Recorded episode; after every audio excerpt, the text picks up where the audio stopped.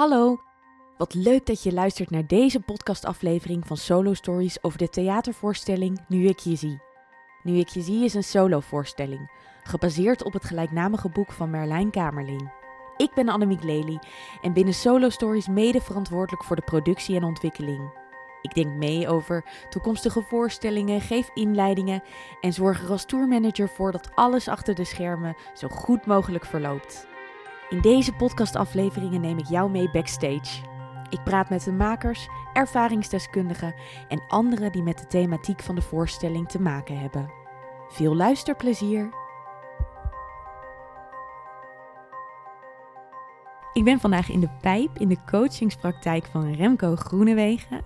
Remco is jongere rouwtherapeut. Ja, jongere, jongvolwassene coach. Ik heb in een andere podcast gehoord dat dat niet altijd zo geweest is. Dat jij ooit begonnen bent met het studeren van economie.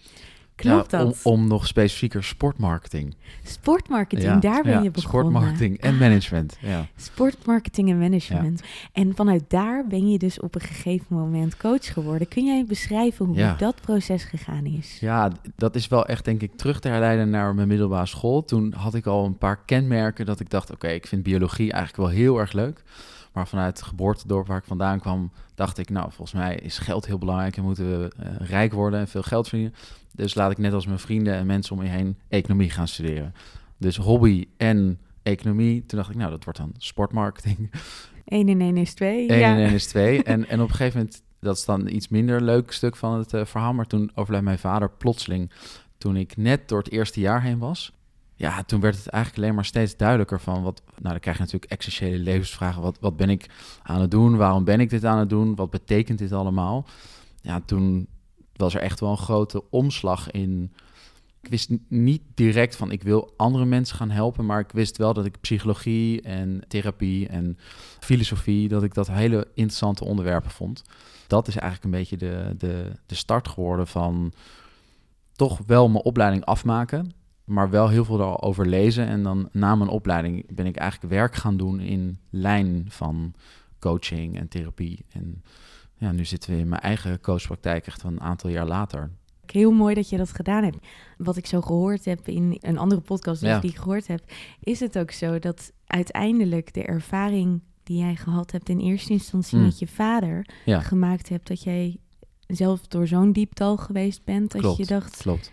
Hier moet ik iets mee op professioneel gebied. Ja, sowieso zelf moest ik daar echt wel wat mee op een gegeven moment. Want ja, dan, ben je 19 en dan, ja, ik praatte niet over mijn gevoelens. Ik stopte het allemaal weg. Eh, Naar buitenwereld deed ik echt alsof het allemaal goed ging. Dan had ik echt een masker op. En iedereen dacht ook, oh, hij pakt het op zich wel lekker op. Maar ik zat echt wel heel ver. Dus ik heb zelf ook echt wel hulp gezocht op een gegeven moment. In, samenspraak met mijn moeder. Ja, toen zat ik zo, echt op zo'n dieptepunt dat ik eigenlijk op een gegeven moment dacht wat doe ik hier nog? Ik wil eigenlijk naar mijn vader toe. En dat was echt een soort van de, ja, de onderste laag, eigenlijk de diepte van de put, de, diepste dal van de put. En vanaf dat moment stond er wel echt een trampoline waarop ik soort van veerde en samen met mijn moeder besloot om met iemand te gaan praten.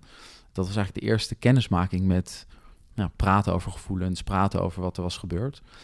Hoe oud was je toen ongeveer toen je ja, dat ik ging denk doen? 21, 22. Dus dat is, er is wel echt twee jaar overheen gegaan Ja, in was- die put. Ja, en het ging ook steeds dieper. En mensen om me heen probeerden natuurlijk te helpen. En eh, heel liefdevol allemaal. Maar ik zat wel echt wel ver qua gedachten en waar ik...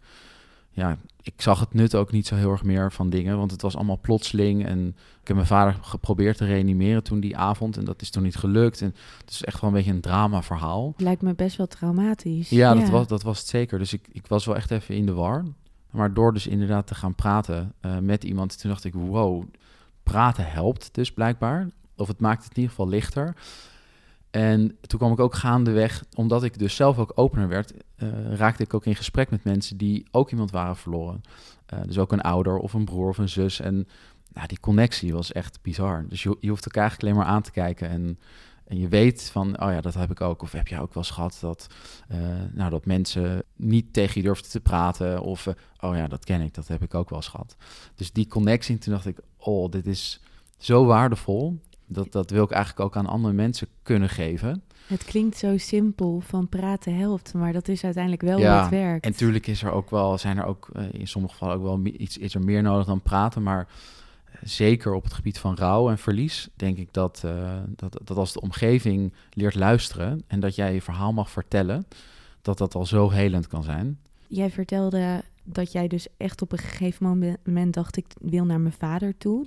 Is dat iets wat bij rouw hoort? Of is die rouw doorgeschoten in een mm, depressie? Ja, ik, ik denk dat ik toch wel tegen de depressie aan zat. Er is daarvoor ook best wel veel al gebeurd qua mijn moeder had al kanker. Toen ik zes was, toen kreeg ze dat voor het eerst. Toen ik 16 werd, toen kwam dat weer terug in uit, uitgezeide vorm. Dus, dus er was al wel wat, er lag al wat op mijn bord qua er is een mogelijkheid dat je moeder overlijdt, uh, want ze is nu terminaal verklaard. Dus we kunnen alleen nog maar levensverlengende behandelingen geven. En dat was dus twee, drie jaar voordat mijn vader plotseling overleed. Dus ja, dat had al wel wat voet in de aarde qua uh, waar ik vandaan kwam. Ik kan me voorstellen dat het ook heel angstig maakt op het moment dat je dan je vader verliest. Dat je denkt, en ik sta al op het punt om mijn moeder te verliezen en dan verlies je ook nog je vader. Ja, dus ik leg het altijd uit, voor de luisteraars die kunnen dat niet zien, maar ik, ik leg het altijd uit. Ja, dus dat je op een ondergrond staat uh, met, van je ouders. Uh, dus dat zijn twee platen, die staan tegen elkaar aan. En de eentje die wankelt al, want dat was mijn moeder, die was ziek.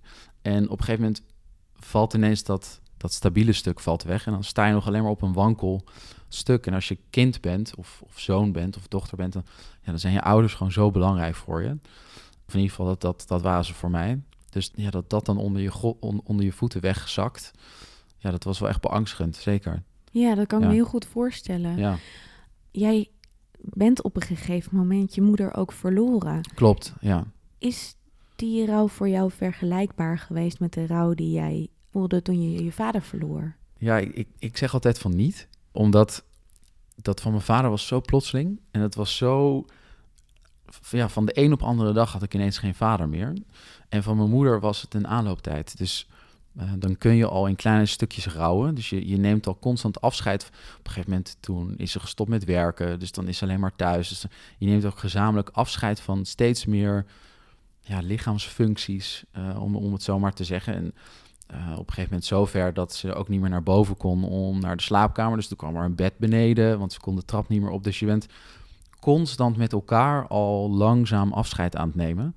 En omdat je natuurlijk van dichtbij ziet dat iemand ontzettend lijdt en pijn heeft en, en heel veel medicatie slikt, heb je ook op een gegeven moment, gaat zo tegen je gevoel in van ik wil mijn moeder niet verliezen. Maar op een gegeven moment krijg je ook wel een beetje gedachten van het is misschien goed zo. Of ik gun haar niet meer deze lijdensweg. Of dit is bijna mensonterend wat er, wat er gebeurt. Ja, dus dat is zo anders dan dat plotselinge overlijden. Dus, dus dat rouwproces is voor mij, voor mij persoonlijk is dat heel anders geweest.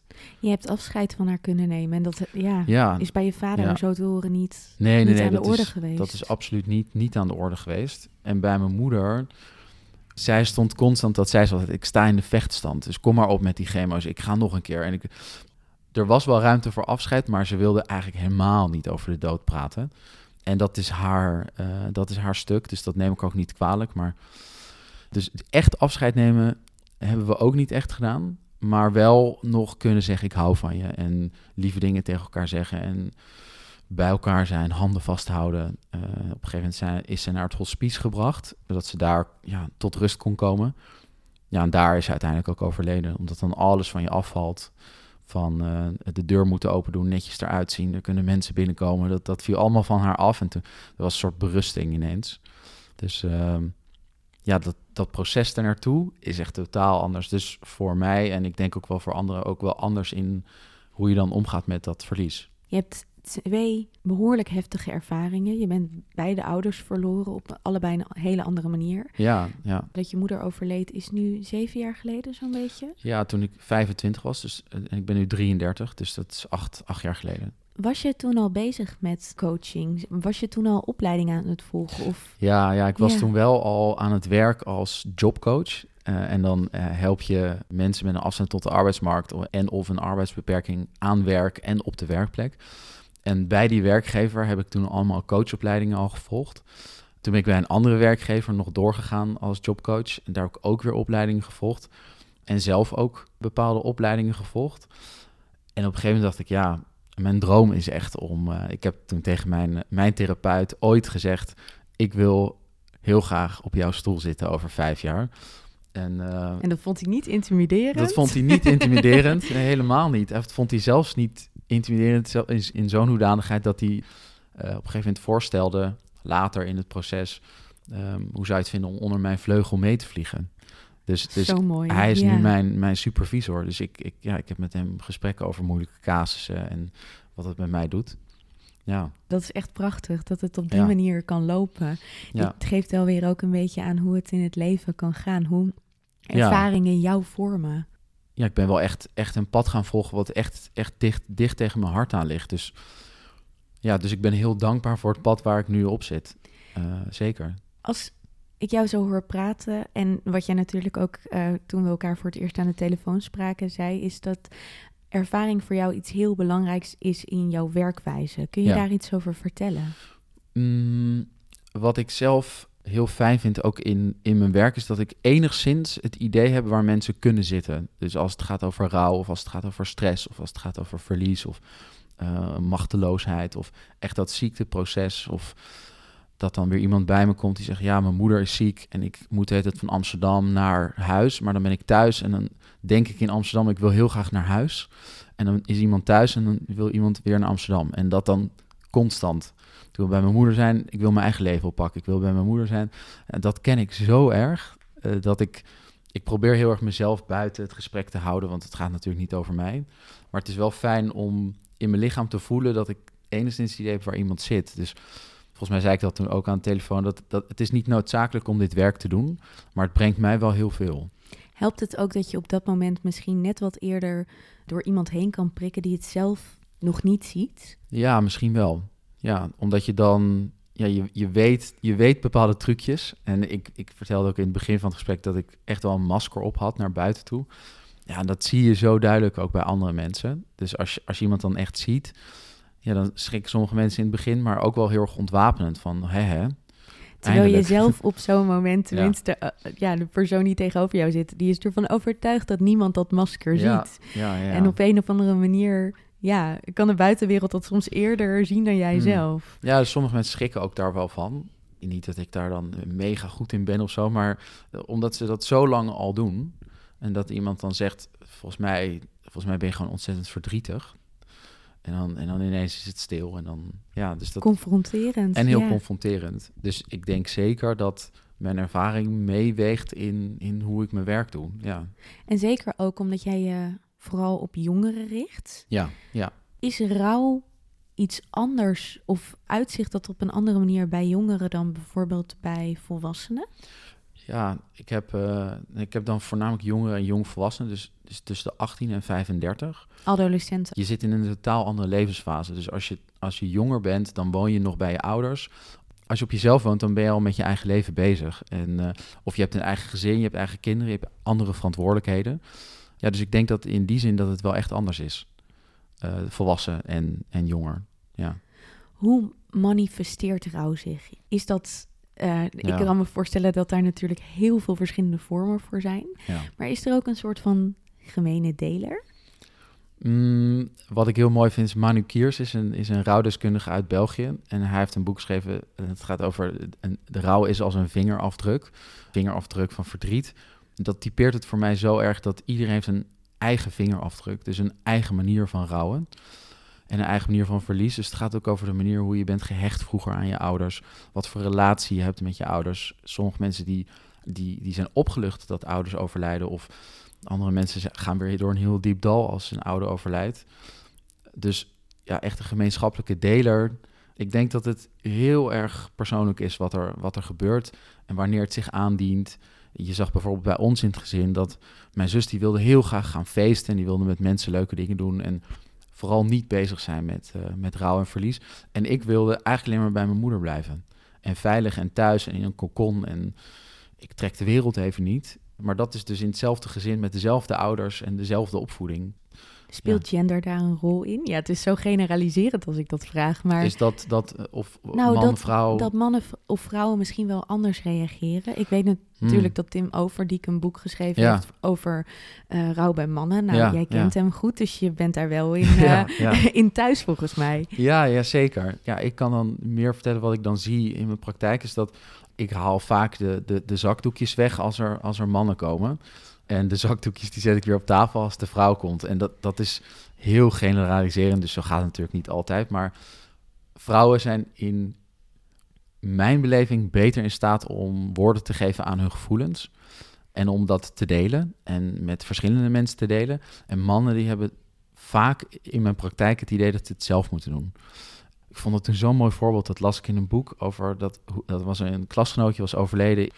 En dat de leraar eh, met, de, met de vrouwen ging die praten. En hij stuurde de jongens stuurde die naar, naar het bos om met stokken tegen bomen te slaan en die agressie te uiten. En dus dat, dat was wel zo, dat vond ik zo grappig om te lezen, omdat dat jongens hebben dan een soort van uitlaatklep. Nou, ik ben ook gaan kickboksen en, en Krav Maga en eh bokstraining en alles, maar om die, ja, om die, om die emoties wat Om het fysiek te uiten. zoiets. Ja. ja. Ja, Ja. dus echt om er echt een hard standpunt in te nemen, dat, dat durf ik nog niet, denk ik. Misschien later. Maar ik denk dat rouw is universeel. Dus het is voor iedereen hetzelfde. Maar ja, de uitingsvorm is in veel gevallen bij mannen iets anders dan bij vrouwen, denk ik. Ja, Nou, waarom ik het vraag is omdat onze voorstelling natuurlijk gaat over een jongen van 12 die zijn vader verliest op een hele heftige manier. ja. En wat Merlijn gedaan heeft, of tenminste wat hij beschrijft in zijn boek, is dat hij tien jaar lang er zo min mogelijk over nagedacht heeft. ja.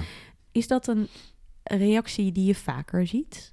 Dat een jonge, Ja. jonge man het opbergt en er niet meer aan wil. Niet om te theoretisch te worden, maar er is een model, en die gebruik ik veel in mijn praktijk, en dat is du- het duale procesmodel. En zij, zij hebben het over het verliesgerichte en het eh, herstelgerichte rouwen.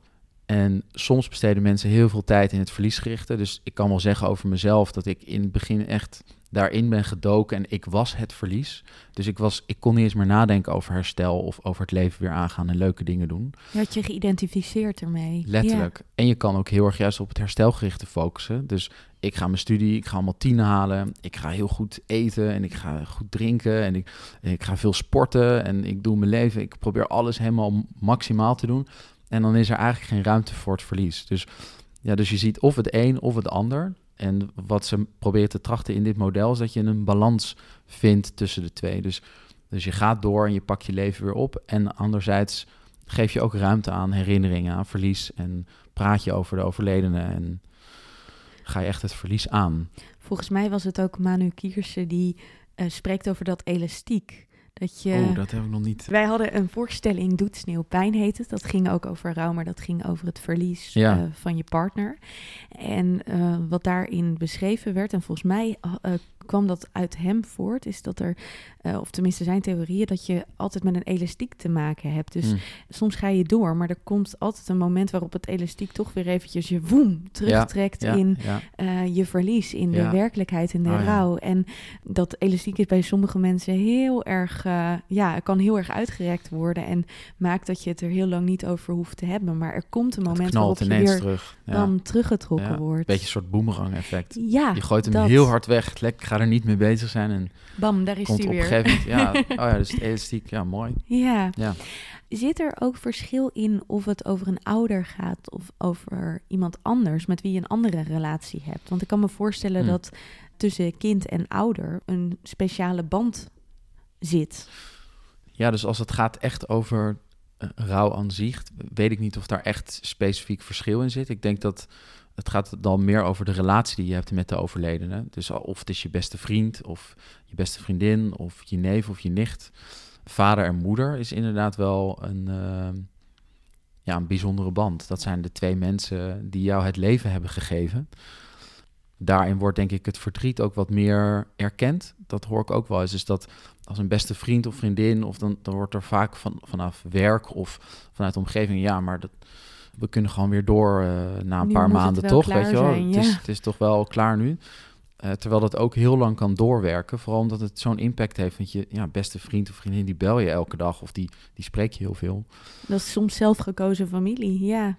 precies. Dus ehm, ja, misschien dat het qua omgeving misschien anders is.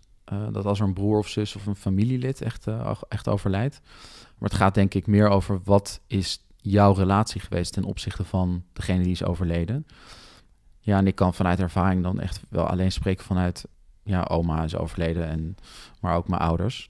Dus dat is, ja, dat is dan denk ik wel iets anders. Dat is een ander proces. Ja. Ja. En zit het hem dan ook in, nou ja, laat ik maar weer even teruggaan naar de voorstelling. Omdat Merlijn een bepaalde leeftijd had waarin hij zijn vader verloor en natuurlijk ook bepaalde omstandigheden. Ja. Hij het heel moeilijk vond om zich vervolgens tot zijn vader te verhouden. Hm. In zijn geval was het natuurlijk ook iemand waarvan iedereen dacht dat, dat hij hem kende. Ja. En dat dat voor hem iets is wat, dat spreekt in ieder geval uit het verhaal, waar hij echt een soort van zoektocht in heeft van hoe moet ik nu mijn vader plaatsen. Hm. Kun jij dat duiden? Nou, als je er, als je er in eerste instantie dus uh, ja, misschien onbewust voor kiest om door te gaan en iemand eigenlijk, nou, wat je in het begin, wat je, wat je net zei, om iemand te blokken, want het is te pijnlijk en te groot, uh, dan kan ik het, kan ik me voorstellen dat het lastig is om diegene ook weer toe te laten. Dus wat ik zelf in mijn praktijk heel erg probeer, is om die balans ook te vinden tussen mooie herinneringen ophalen, uh, maar ook het pijnlijke stuk. Dus als we het pijnlijke stuk niet aangaan, dan gaan er ook mooie stukken verloren. Dus dan krijg ik vaak te horen van ik, ja, ik heb het idee dat ik herinneringen verlies, of ik ben bang dat ik iemand ga vergeten, of ik denk niet elke dag daarover na. Ja, dus ik denk als je onbewust of bewust de keus maakt om iemand, ja, om dit is gewoon te groot, dit is te pijnlijk, ik ga gewoon door met mijn leven, ik ga het herstelgerichte aan, dat het lastig is om iemand dan weer ja, toe te laten. En dat heeft Marlijn dan denk ik heel mooi gedaan. Dus en vandaar ook de titel Nu ik je zie.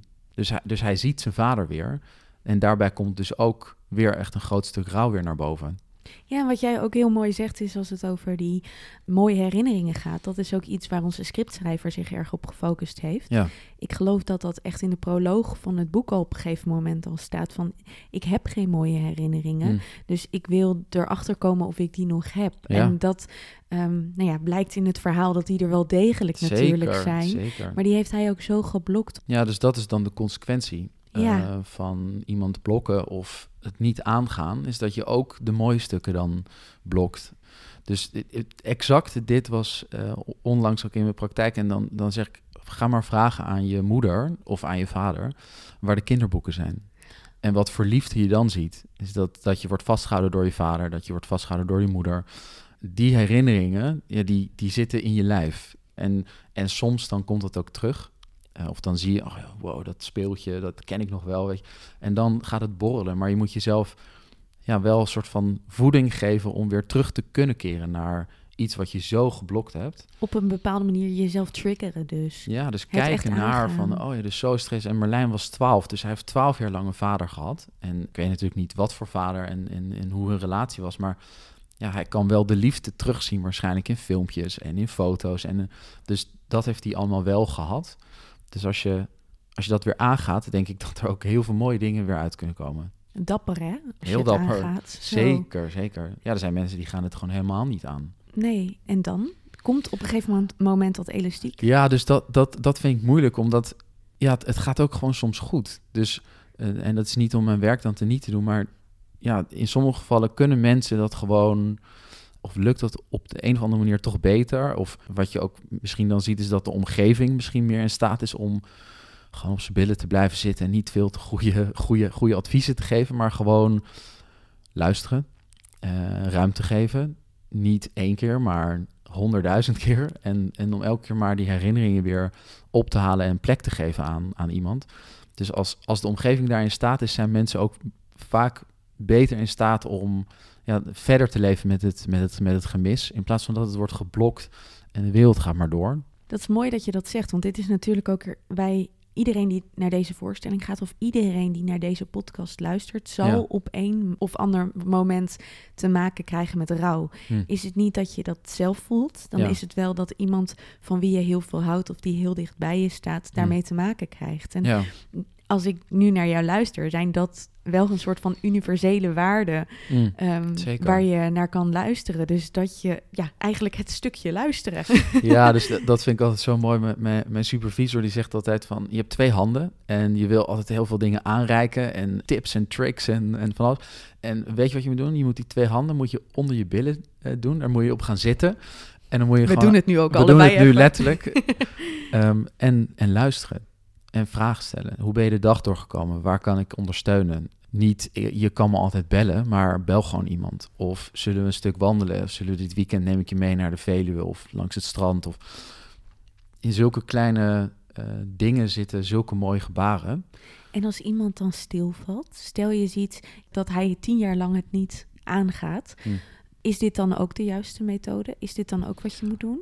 Ja, ik zou het wel adviseren. Eh, en degene die rouwt, of die in rouw is, of die hier dus mee rondloopt, die geeft zelf wel aan of jij persoon bent om, om, om daarover te spreken. Eh, dus daarin ligt denk ik ook wel echt verantwoordelijkheid bij degene die rouwt. eh, om grenzen aan te geven. Nu wel, nu niet. Jij wel, jij niet. En voel je daar ook niet in beledigd, maar vraag het gewoon nog een keer. Ja, dus er, er, er ligt daarin ook zeker een rol voor omgeving, maar ook voor degene die, eh, waar het over gaat. Niet pushen. Ieder heeft zijn eigen proces. Zeker niet pushen, nee. Maar vooral niet beledigd voelen van... oké, dit is blijkbaar niet het moment. Ik vraag het gewoon over twee weken nog een keer. Is jouw rouwproces of zijn jouw rouwprocessen, want jij hebt natuurlijk er eigenlijk gewoon twee, Ja, zijn die afgerond? nee, dat denk ik niet. En ik denk eigenlijk ook niet dat dat ooit afgerond zal zijn. Want eh, het zou ook raar zijn, want mijn ouders zijn altijd mijn ouders. Dus dat, dat, ja, dat gaat nooit veranderen. En eh, we hadden het hier, hiervoor, voordat de podcast begon, hadden we het over... ik word vader begin januari. En dan raak je dus weer een deel van de rouw aan, want dan word ik vader. En ik, en ik heb geen vader. En vorig jaar zijn we getrouwd en dan misten er twee lege stoelen. Dus ja, ook al is het 12 jaar en 8 jaar geleden of 13 jaar en 8 jaar geleden, het, het, het blijft. Het wordt anders en het wordt draaglijker. Dus vind zo'n zo'n plaatje wat je wel ziet op van die rouw Instagram pagina's, dat- het, het potje om de rouw, de ruimte om de rouw wordt groter. Dus eerst ben je alleen de rouw en dan wordt het, het potje wordt steeds groter waarin de rouw zich kan bewegen. Ja, dat is wel echt wat het is. Maar dat het, of het overgaat, nee, dat denk ik niet. Want ik hou van mijn ouders en ik hou nog steeds van mijn ouders. En, ik, eh, en die relatie gaat ook gewoon door. Dus ik, ja, ik vraag ook nog wel eens dingen in mijn hoofd van... eh, jeetje, kunnen jullie heel even, even helpen? Of kunnen jullie even bijspringen? En ik kijk nog steeds foto's. En laatst, ik was dit weekend met mijn vrouw naar de Veluwe nog even met z'n tweeën. Ja, dan schrijft ze zo'n waanzinnige kaart met gewoon als aanhef naar mijn ouders. En dan schrijft ze van, ik hoop dat ik een, een, een liefdevolle moeder kan zijn voor jullie kleinkinderen. En ja, echt zo, ja, ik zat natuurlijk ook met, met, met, met, met mijn kin op mijn, op mijn borst. En dan neemt zij ook mijn ouders daar weer mee. En ook op, op, op het huwelijk waren heel veel speeches. En ik heb dan twee ooms van beide kanten van de families gevraagd om te speechen. En dan ja, herinneringen. En, maar daar is, daar, is, daar is dus een lach en een traan tegelijkertijd. En ik denk dat dat het is. Het mag er zijn. Het mag er constant zijn. En neem het vooral mee ook in je dagelijks leven. Want je bent pas iemand echt kwijt als je er niet meer over praat. Of als je die herinneringen niet meer ophaalt. Dus neem ze vooral mee. Dat is ook de laatste rouwtaak van Manu Kiers. Is verder leven met de ander in je hart. Ja, dat Ja. is ook een beetje die Pixar-film Coco. Ken je hem? Oeh, die, ik nou, dat is leuk om ja. straks met je dochter te kijken. Oh, ga, ik, ga ik met mijn dochter kijken, ja. Het gaat over het, het voelt zo cliché, maar ze brengen dat zo prachtig in beeld. Hm. Je bent er nog zolang je herinnerd wordt. Ja, dus blijf, blijf over ze praten. eh, blijf herinneringen ophalen. Ja. Dank je wel. ja, graag gedaan. Wil je naar Nu ik je zie komen kijken? De voorstelling is van 19 januari tot en met 4 juni te zien in de Nederlandse theaters. Ga naar solostories.nl om een kaartje te bestellen. Leuk om je in de foyer te zien. Kom je naar afloop naar me toe om te vertellen wat je van de voorstelling vond? Of via onze socials? Tot dan! De totstandkoming van de voorstelling Nu ik je zie wordt mede mogelijk gemaakt door 113 Online, Slachtofferhulp Nederland, Mind, Fonds Podiumkunsten en het Dr. C.J. Vajant Fonds.